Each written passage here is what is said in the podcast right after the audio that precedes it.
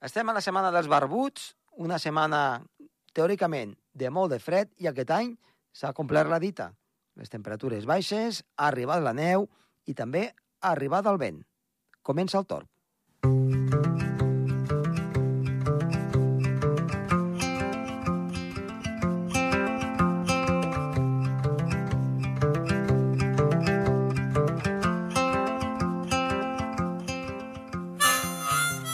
Avui tenim en el programa Tora Gerard Tauler, que ens parlarà sobre la, el temps que ens ha fet aquestes uh, últimes jornades, sobre aquesta entrada d'aire fred, sobre la neu, sobre el vent, en general sobre les borrasques que estan afectant tot el que és els Pirineus i el nord de la península Ibèrica. I en l'entrevista avui tenim Alex Roig, que és el responsable del Parc Astronòmic de les Muntanyes de Prades i ens parlarà sobre un projecte aquí a Andorra. Som-hi!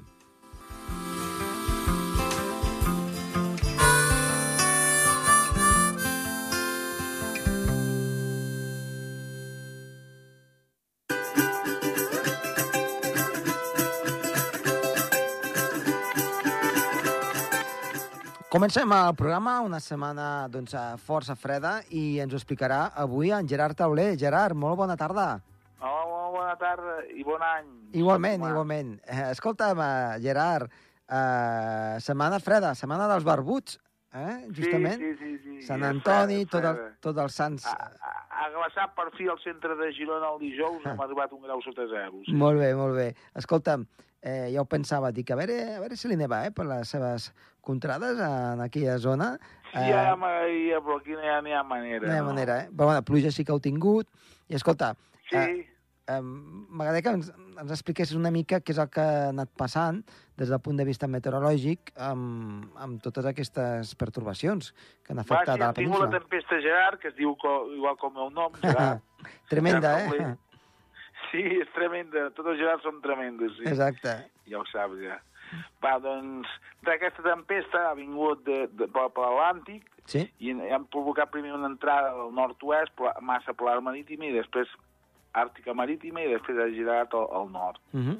Ha, ha, ha hagut precipitacions, evidentment, a la façana cantàbrica i també a la, a la, a la vessant nord del, del Pirineu, però que ha travessat fins a la, a la vessant sud, vull dir, ha afectat sobretot el Pirineu de Lleida, Sí. i fins i tot el Prepirineu, ha arribat a nevar també el, el Pirineu, el Prepirineu d'Osca, ha nevat a Insa, ha, ha nevat a, a Trem, sí, sí. Per tant, déu-n'hi-do, En una... canvi, a- en canvi, a les comarques gironines eh, li costa eh, de, de en aquestes situacions, perquè tenim el Pirineu que ens fa de, de barrera i... Bueno, hem tingut alguna sorpresa. El dimarts ha, hi ha hagut una calamarsada a Paralada, no, no prevista. S'ha arribat a 4 graus a la una del migdia. I a Girona el dimarts ha, ha, ha plogut una mica dues dècimes i la temperatura ha baixat de, de 13 graus que estàvem a 9 graus i mig. Uh -huh. Escolta, um, a part la situació, eh, entra, sembla, pel cap de setmana a, aire fred, aire fred amb, del centre d'Europa. L'aire fred el que provocarà és el desplomament de temperatures i formarà una inversió tèrmica quan pari el vent de, de tramuntana, gregal i mestral, Mm. i les temperatures doncs, arribaran a ser les més baixes de tot l'hivern, arribant a valors de menys 10 o inferiors al Pirineu i al Prepirineu. Uh -huh. Per tant, haurem d'estar ben alerta. Fins i tot en alguns llocs de l'interior pot arribar a 6 o 7 sota 0 i al prelitoral, ja saps, a les deveres de Sí. sal, 7 o 8 graus sota 0. Uh -huh. Per tant, una- una bona setmana per fer transectes, eh? Després de que hagi Sí, passat... sí, sí, Ah. sí, sempre estic pensant en els transectes, sempre estic fent transectes. Ah, sí, sí, perquè la situació serà ideal eh, en, Clar, en sí, aquest sí, sí. aspecte, eh? I a més d'alliberar... Ja De... saps que jo gaudeixo molt fent transectes, ja ho saps. A més, camino i me, me baixa el colesterol, baixa el pes, me baixa tot. Exacte, exacte, caminar força. Doncs escolta, Gerard, doncs, eh, moltíssimes gràcies per aquest apunt meteo i que doncs, eh, eh, vagi molt bé eh, la resta de la setmana, el cap de setmana i aquesta entrada d'aire fred. Josep Marí, Josep Tomàs, igualment. Gràcies, adéu-siau. Vinga, adéu, adéu.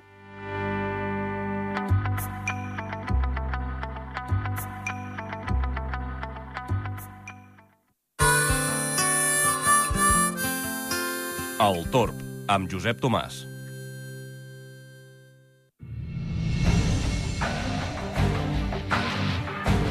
A l'entrevista d'avui tenim Aleix Roig, que és guia Starlight i responsable del Parc Astronòmic de les Muntanyes de Prades.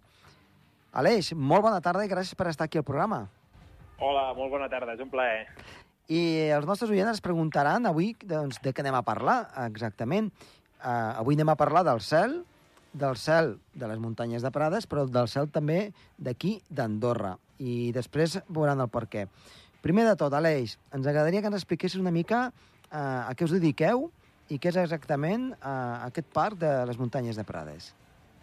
Bé, doncs eh, jo em dedico professionalment a la divulgació científica i també a la consultoria en l'àmbit de l'astroturisme, eh, amb Misar Experience, que és l'empresa que justament gestiona uh -huh. el Parc Agronòmic Muntanyes de Prades, del qual, del qual som coimpulsors eh, amb la meva companya de, de Misar, Georgina Cervent, i amb l'Ajuntament de Prades, un projecte al Parc Astronòmic Muntanyes de Prades que que té els seus orígens a l'any 2015, però que va ser una realitat ja finalment l'any 2020, eh, i és un projecte doncs, eh, referent ara mateix en l'àmbit de l'astroturisme i la protecció del cel fosc. Uh -huh. um, quan anem cap a aquesta zona de les muntanyes de Prades, um, m'agradaria saber què és el que té d'especial respecte a altres llocs. Per... Doncs bé, es tracta d'un refugi de foscor. Eh? Uh, malauradament, el progrés o potser a vegades mal anomenat progrés, ha portat doncs, que contaminem el planeta. L'hem contaminat de moltes maneres, gairebé de totes les possibles, i una d'elles és lumínicament. Amb aquesta contaminació lumínica el que hem fet és extingir hàbitats d'espècies naturals uh -huh. eh, i també d'éssers vius com els propis eh, éssers humans que necessitem justament també la foscor per poder, per exemple, conciliar el son o fer alguns dels processos vitals. Llavors, aquest fenomen de la contaminació lumínica, que es produeix sobretot a les zones urbanes, hi ha alguns indrets on encara es preserven les condicions naturals de, de foscor. Va, I aquí és on tenim les muntanyes de Prades i Serra de Montsant, que és d'aquests refugis de foscor. I com, com ha de ser aquest, a, a, aquesta zona per, per tenir doncs, aquesta foscor, diguem-ne? Perquè ara doncs se'm fa bé. una mica difícil d'imaginar, eh? Sí, eh, si veiem en un mapa, eh, doncs la zona de muntanyes de Prades i Montsant, veiem que no hi ha cap ciutat a dins, no hi ha cap municipi gran. Podríem dir que els municipis més grans serien doncs, Prades, Cornudella, que són municipis que, que gairebé ni arriben al miler d'habitants. No? Uh -huh. I la majoria de municipis estem parlant de 50 habitants, 100, 300... Per tant, és una zona rural, sí. però tot i així que està relativament a prop de, dels nuclis de població de la zona del Camp de Tarragona, per exemple, o inclús de la zona metropolitana de Barcelona. Però, com dèiem, és un refugi de foscor. Concretament a Prades tenim dues serralades, una és la zona de la Serra de la Llena i l'altra la Serra de la Mossara, que bloquegen la contaminació lumínica més directa, en el cas de la Serra de la Mossara, que ve de Tarragona, i en el cas de la Serra de la Llena, la que ve del Pla de Lleida. Uh -huh. Llavors, això és el que li confereix també aquests valors de, de foscor de cel. Clar, uh, clar perquè, perdona, eh, em, em, els que hem estat per allí, doncs, um, clar, des de la Mossara veus tot el camp de Tarragona. Correcte. Uh, refineries, Tarragona, Reus, Valls, i veus Correcte. molta contaminació. Llavors, clar, com, com és que és tan fos a, a, en aquella àrea? Veritablement la llum queda tapada per, a, per les muntanyes? No, en realitat la contaminació lumínica afecta el 100% del planeta Terra. O sigui, mm. podríem dir que el planeta Terra ja està contaminat. Ja. Uh, no hi ha cap indret del planeta Terra que tingui zero contaminació lumínica. Això és un, un, mm. un trist, uh, una trista afirmació que, ja. que podem fer a dia d'avui. Llavors, els millors cels del planeta Terra, a nivell de cels nocturns, un dels paràmetres que han de complir és que siguin cels foscos. Per tant, són cels rurals, cels remots.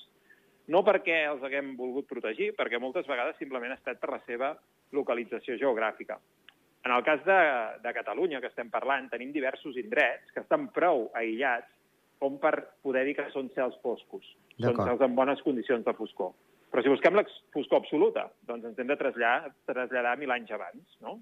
Fa mil anys, doncs segurament sí que trobàvem eh, paratges del planeta Terra doncs, perfectament eh, absents de contaminació lumínica. En aquest context de dir, ja sabem que el planeta el tenim contaminat, anem a veure quines són les zones més fosques i anem a protegir-les, perquè si no, d'aquí quatre dies, de fet, no podrem veure el cel estrellat i progressivament anirem extingint totes les espècies que viuen a l'entorn natural. Mm, és... Doncs aquest és el context de la protecció del cel fosc. Clar. Per una banda, preservar aquest dret de gaudir del cel estrellat i també purament per un tema de preservació ambiental. Mm -hmm. És això que veus eh, a ciutat, que veus eh, dos, estres, dos o tres estrelles principals, algun planeta, Exacte. i no veus res més. Llavors, quan te'n vas fora de la ciutat, en una zona fosca, veus la Via Làctea i, I, i sembla que no pugui ser, no? Exacte, aquest potser seria un dels indicadors. Diem que el, el 80% de la població mundial no veu la Via Làctea des de casa. I estem parlant que la població mundial no viu principalment a Europa. Eh? La població mundial Clar. sabem que les zones de població estan a la Índia, a la Xina, hi ha països que, teòricament, diem que són força rurals en algunes àrees. No? Uh -huh. Per tant, si parléssim d'Europa, estaríem parlant de més del 90% de la població europea que no veu la Via Làctea des de casa. Però, malgrat tot, doncs, hi ha aquests refugis de foscor en els quals veurem el que anomenem aquest camí de Sant Jaume, que és la nostra galàxia. Estem dins de la galàxia i la podem veure de perfil. I Andorra, justament, és un d'aquests indrets. Muntanyes de Prades ara... és un altre i el Montsec n'és un altre. Ara, ara hi anirem, eh? Uh, abans d'anar cap a Andorra, m'agradaria saber si ens anem cap a les muntanyes de Prades, què hi podem trobar? Què hi podem fer amb, Molt bé, amb doncs el que vosaltres... Aquí les muntanyes Aquí a les muntanyes de Prades, eh, dic que des del 2021 som la zona protegida de cel fosc més gran d'Europa, al voltant d'un parc natural. Eh, ens hem posat d'acord 32 municipis de quatre comarques eh, per protegir aquest, aquest valor natural que és la foscol. Tenim una sort, que és que hi ha una llei d'àmbit autonòmic que eh, va ser bastant pionera, juntament també amb la llei de, de Canàries, de la Palma, en la protecció del cel fosc. Per tant, tenim una zona ja que no només és fosca, sinó que, a més a més, té assegurat un bon futur perquè ens, així ens hem posat d'acord. Uh -huh. Alhora és també destinació turística Starlight.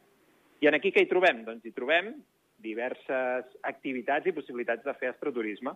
Des, concretament des del Parc Astronòmic Muntanyes de Prades, cada setmana trobarem doncs, la possibilitat de descobrir aquest cel de la mà de professionals, de guies astronòmics certificats per la Fundació Starlight, alguns d'ells i algunes d'elles astrofísiques professionals que estan doncs, fent les seves investigacions i que col·laboren doncs, amb aquest projecte de divulgació científica que està obert a tots els públics, també a les escoles, entre setmana, doncs rebem sempre eh, moltíssims alumnes, no només de Tarragona, també de Girona, també de Lleida i de Barcelona, que s'apropen per descobrir l'astronomia, per descobrir aquest cel fosc i per començar amb aquest coquet de ciència, que hem de dir que moltes persones entren en l'àmbit de, del gust per la ciència justament amb l'astronomia, que és un àmbit molt agradable, doncs perquè amb uns perits prismàtics, amb un telescopi, si, si t'allunyes de les ciutats pots descobrir doncs, tot aquest univers que ens envolta, que, que és magnífic. Llavors, cada setmana anem fent aquestes activitats de divulgació, que des de l'any passat és en format de dos espectacles, que és Cosmos i Selene. Selene és per tots els públics, públic familiar.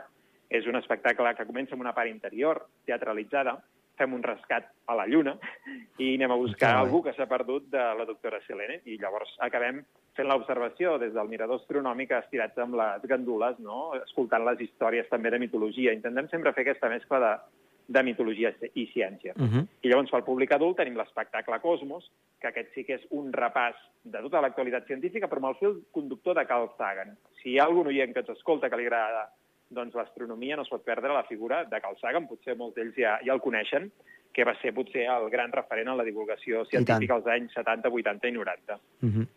eh, M'estan agafant moltes ganes d'anar-hi, eh?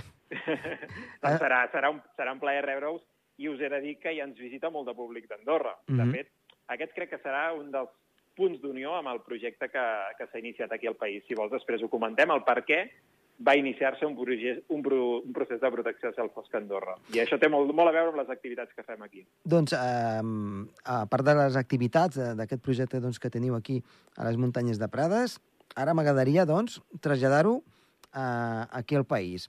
Eh, vosaltres vau venir a Andorra i m'agradaria saber per què vas, vas venir a Andorra a, a veure què, a, a investigar què. I qui t'ho va dir? Bueno, o, o va ser curiositat? Sí.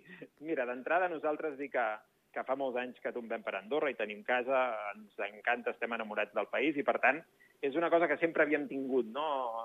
Aquesta espineta clavada de dir, mm. ostres, és un entorn amb un bon cel, però malauradament eh, veiem com la llum blanca, la llum blava, que és la més perjudicial, va en augment, no? deteriorant aquesta qualitat de cel. Jo sempre ho havia pensat, eh? que estava molt contaminat de, des del punt Certament. de vista lumínic. Eh? Certament, i sobretot doncs, a les parròquies amb més població, doncs són les que, que, que més afecten en aquesta qualitat de cel nocturn.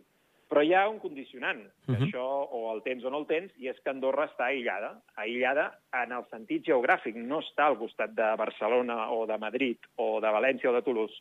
Està a centenars de quilòmetres d'aquestes grans capitals que són focus ordres de magnitud més contaminants que al propi país. I això li confereix de que a la Catalunyes, relativament d'aquestes parròquies, comences a veure doncs, un dels millors cels del sud d'Europa.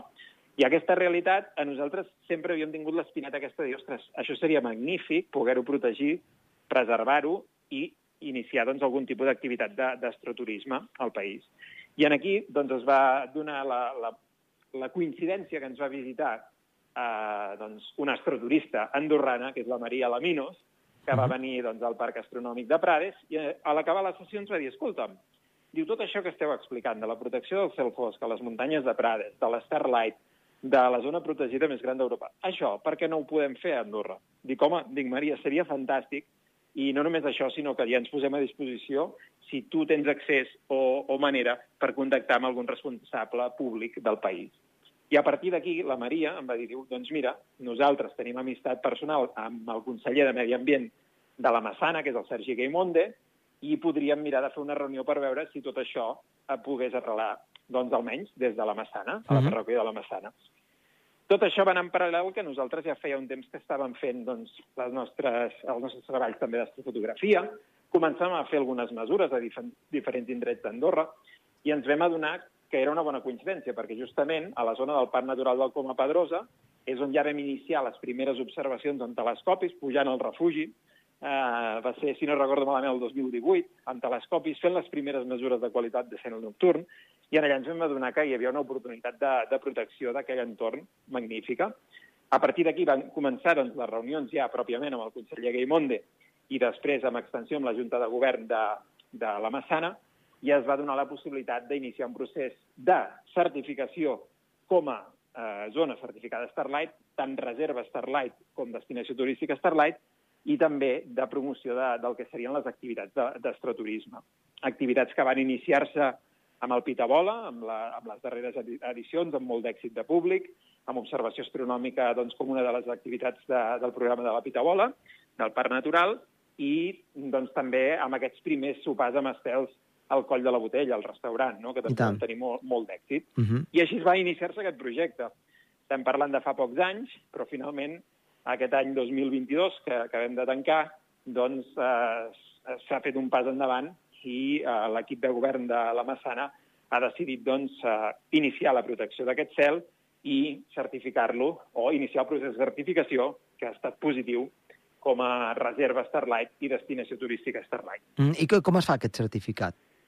Doncs bé, Perquè això... ara que m'imagino jo, eh? Mm. eh apagant llums de, de, de tot arreu o, o no. pujant a llocs que no hi ha llum? O com, com... No, el procés de certificació Starlight, hem de dir, la Fundació Starlight neix el 2007 a la illa de la Palma, Canàries, que és un dels indrets més foscos del planeta, on hi ha l'Institut d'Astrofísica de Canàries, i sota l'empara de l'Institut d'Astrofísica i també de l'Organització Mundial de Turisme, la UNESCO, es crea doncs, justament la Fundació Starlight per poder protegir aquests cels foscos a nivell mundial. Llavors s'inicia la certificació d'alguns dels cels més foscos del món i es creen aquestes figures. La de reserva Starlight, que són aquests indrets que tenen unes condicions de foscor pràcticament primigènies sí. i que no tenen per què ser indrets accessibles. Hi ha alguns que potser a vegades necessites arribar-hi caminant 5 o 6 hores o, o que no s'hi pot ni accedir. No? Són zones extremadament fosques o molt fosques i ben preservades. I després tens la destinació turística Starlight, que els valors de foscor no té, i de qualitat de cel nocturn igual no són tan exigents, però són prou correctes i prou aptes per practicar-hi el que diem aquest turisme d'estrella, uh -huh. l'astroturisme. Doncs en aquests anys s'han anat certificant di diferents indrets. A Canàries, per exemple, hi ha diverses reserves de Starlight. A Catalunya, la més propera, doncs, a Andorra és la reserva Starlight d'Aigües Tortes, però també hi ha la del Montsec. Uh -huh. Muntanyes de Prades no som reserva, som destinació turística Starlight, que també doncs, hi ha destinació turística Starlight al Montsec.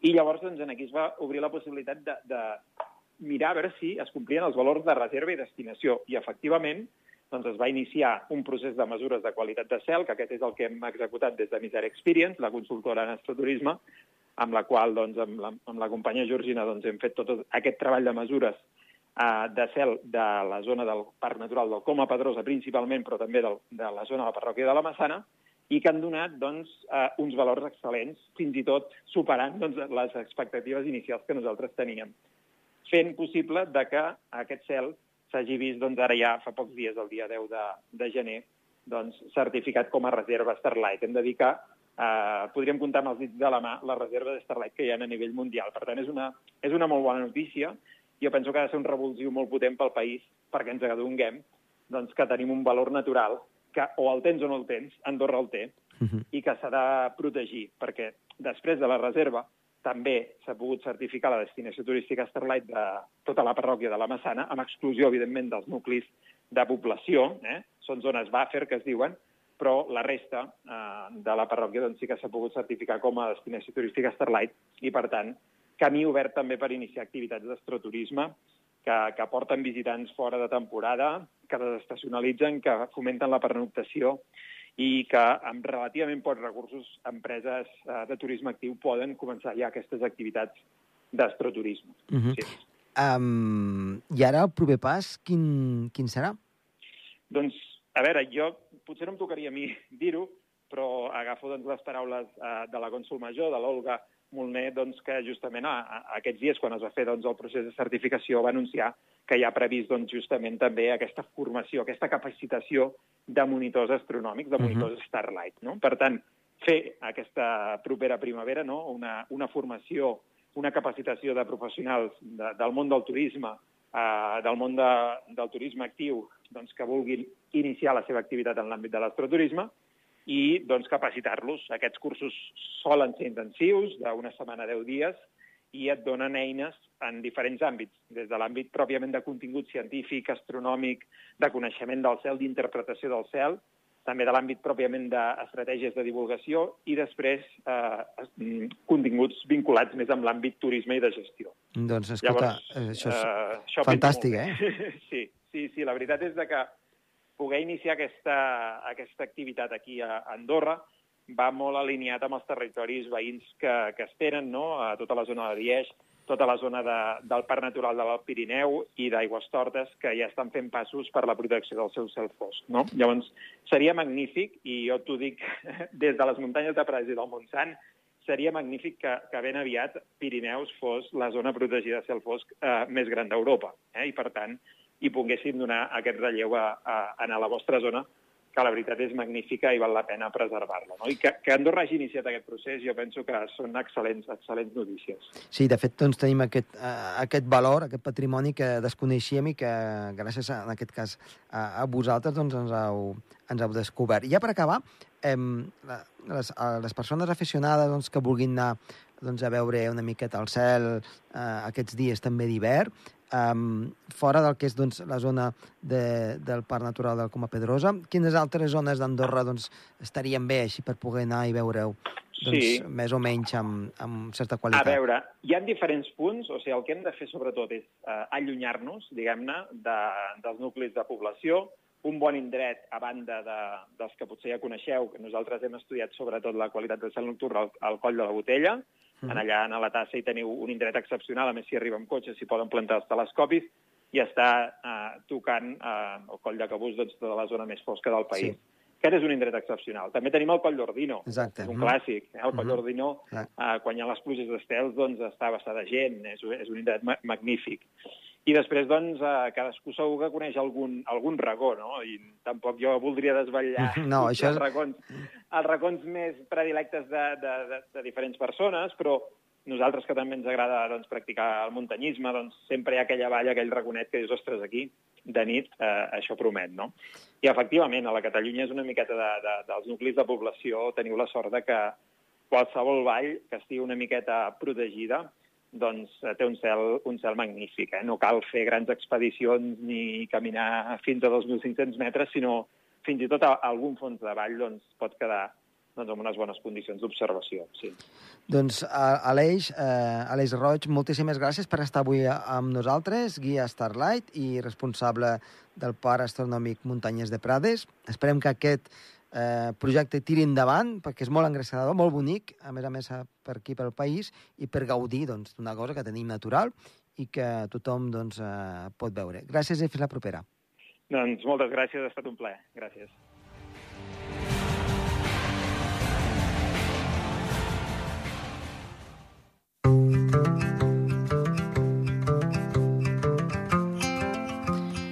Acabem el programa, esperem que els hagi agradat estar de les vies de so, David Carmona, i qui els ha parlat amb molt de gust, Josep Tomàs Bosch. Adéu-siau.